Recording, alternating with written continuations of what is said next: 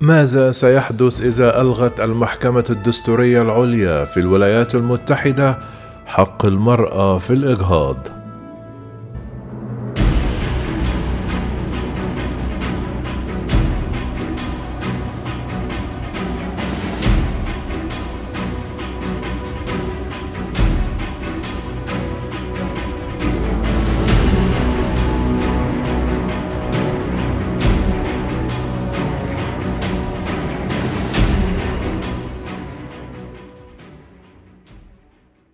في الثاني من مايو كشفت مسودة مسربة عن المحكمة العليا أن غالبية قضاتها سيصوتون لإلغاء قضية رو ضد وايد.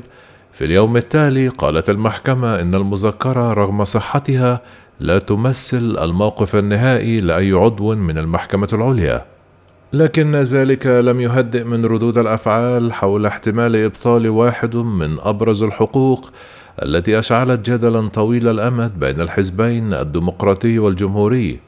كما انتقد الرئيس الأمريكي جو بايدن المسوده معربا عن قلقه بأن يتسع الأمر لحقوق أخرى تعد محل خلاف بين الحزبين منها زواج المثليين في حين اعتبرته نائبته كمال هارس تهديدا لحقوق الأمريكيين. وقد أثير الجدل بشأن الإجهاض في الولايات المتحدة قبل فترة طويلة بعد أن أقرت المحكمة العليا كونه حقا دستوريا في عام 1973 وعرف باسم رو ضد وايد قانون رو اختصارا. أقر المشرعون في الولايات المعارضة للقانون العديد من قواعد وأنظمة لجعل الإجهاض أكثر صعوبة إذ توجد ست ولايات أمريكية تضم عيادة واحدة فقط تتيح خيار إنهاء الحمل. وتشير الصحيفة أن الجدل سوف يحتدم خلال الأشهر المقبلة مع احتمال صدور حكم في ولاية ميسيسيبي يحظر إنهاء الحمل بعد مرور 15 أسبوعًا.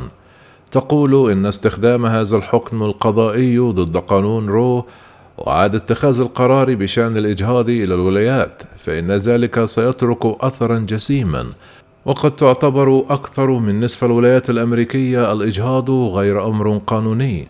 تشير الصحيفة إلى أن حظوظ الجمهوريين الآن تبدو جيدة على ما يبدو في الحصول على أغلبية بالكونغرس الأمريكي، لكن إذا ألغي قانون رو فإن ذلك سيتيح للجمهوريين الحصول على قاعدة تصويت أوسع.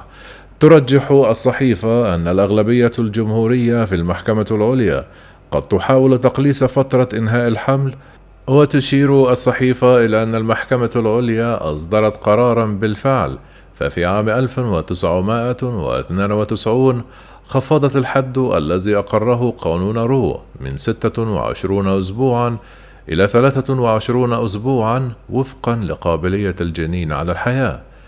وتضيف الصحيفة أنه على الرغم من المعارضة التي قد يلقاها هذا القرار فإن أغلب حالات الإجهاض تتم خلال 12 أسبوعا من الحمل. كما تقول الصحيفة إن ذلك قد يواكب الرأي العام. فعلى الرغم من أن العديد من الدول تفرض قيودا صارمة على الإجهاض إلا أن الولايات المتحدة الأمريكية لديها أكثر القوانين تحررا في العالم الليبرالي فيما يخص الإجهاض عند الطلب. ومن بين 59 دولة تسمح بالإجهاض عند الطلب. تعد الولايات المتحدة الأمريكية واحدة من سبعة دول فقط تسمح بذلك بعد عشرون أسبوعا.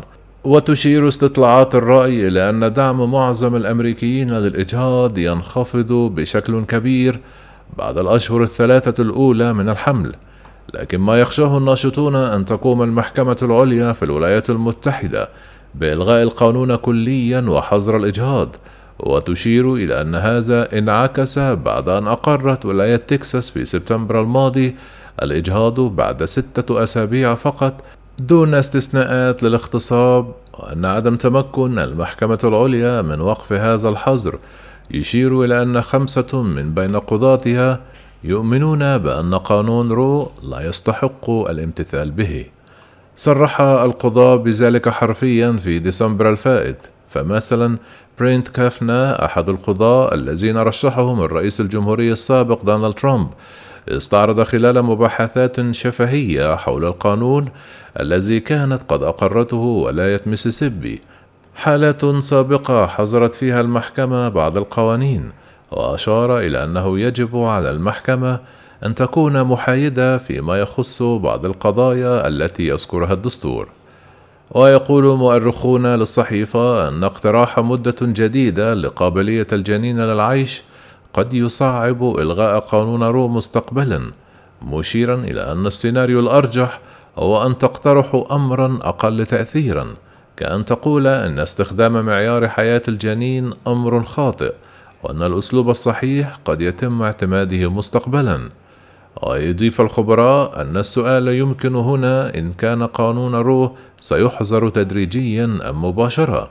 يمكن أن يبطل قانون رو تدريجيا إذا قوضت المحكمة معيار حياة الجنين ويمكن للولايات المناهضة للإجهاض أن تمرر جميع أنواع الحظر ومن المتوقع أن تدعمها المحاكم وذلك وفقا لجريدة إيكونوميست أما إذا كان قرار الإبطال مباشرا سيكون التأثير فوريا وذلك وفقا لذات الصحيفة. إذ قد تقوم 12 ولاية بتفعيل القوانين الفورية ومن شأنها أن تصبح سارية المفعول في اللحظة التي يتم فيها التراجع عن قانون رو.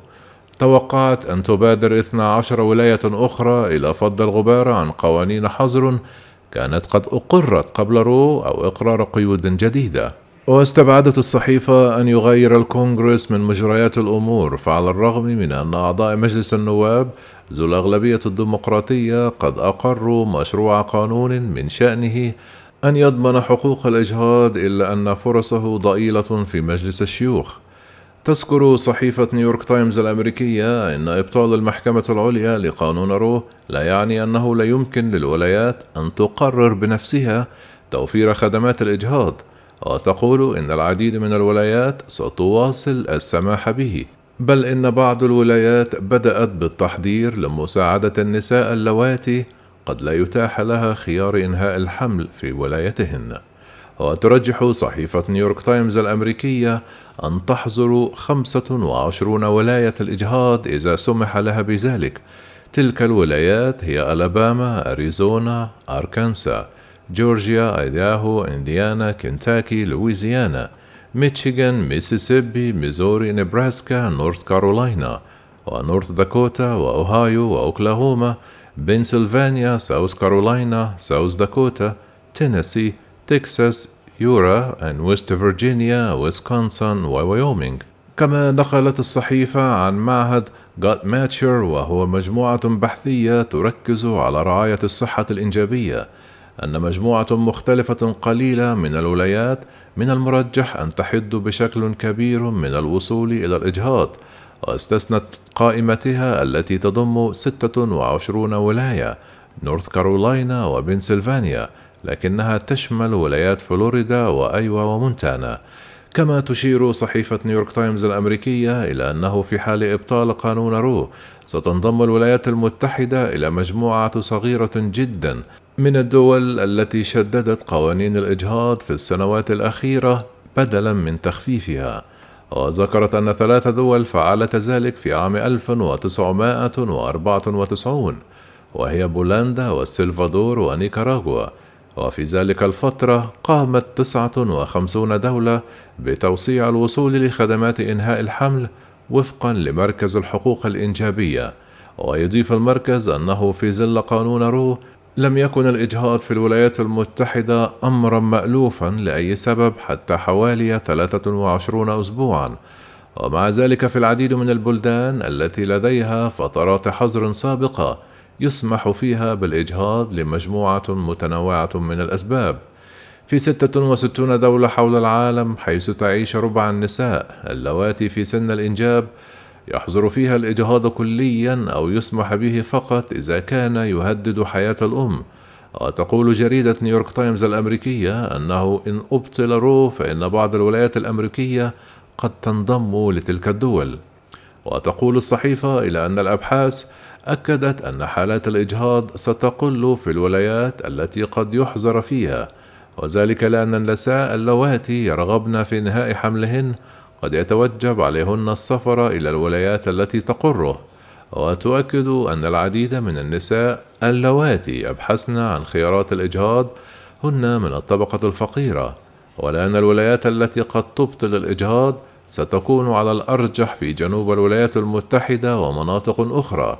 فإنه سيتوجب عليهن قطع مسافة طويلة وتحمل كلفة السفر كما أن أقرب العيادات إليهن قد لا تملك السعة الكافية لاستقبالهن في حال تمكنا من الوصول إليها فعلاً.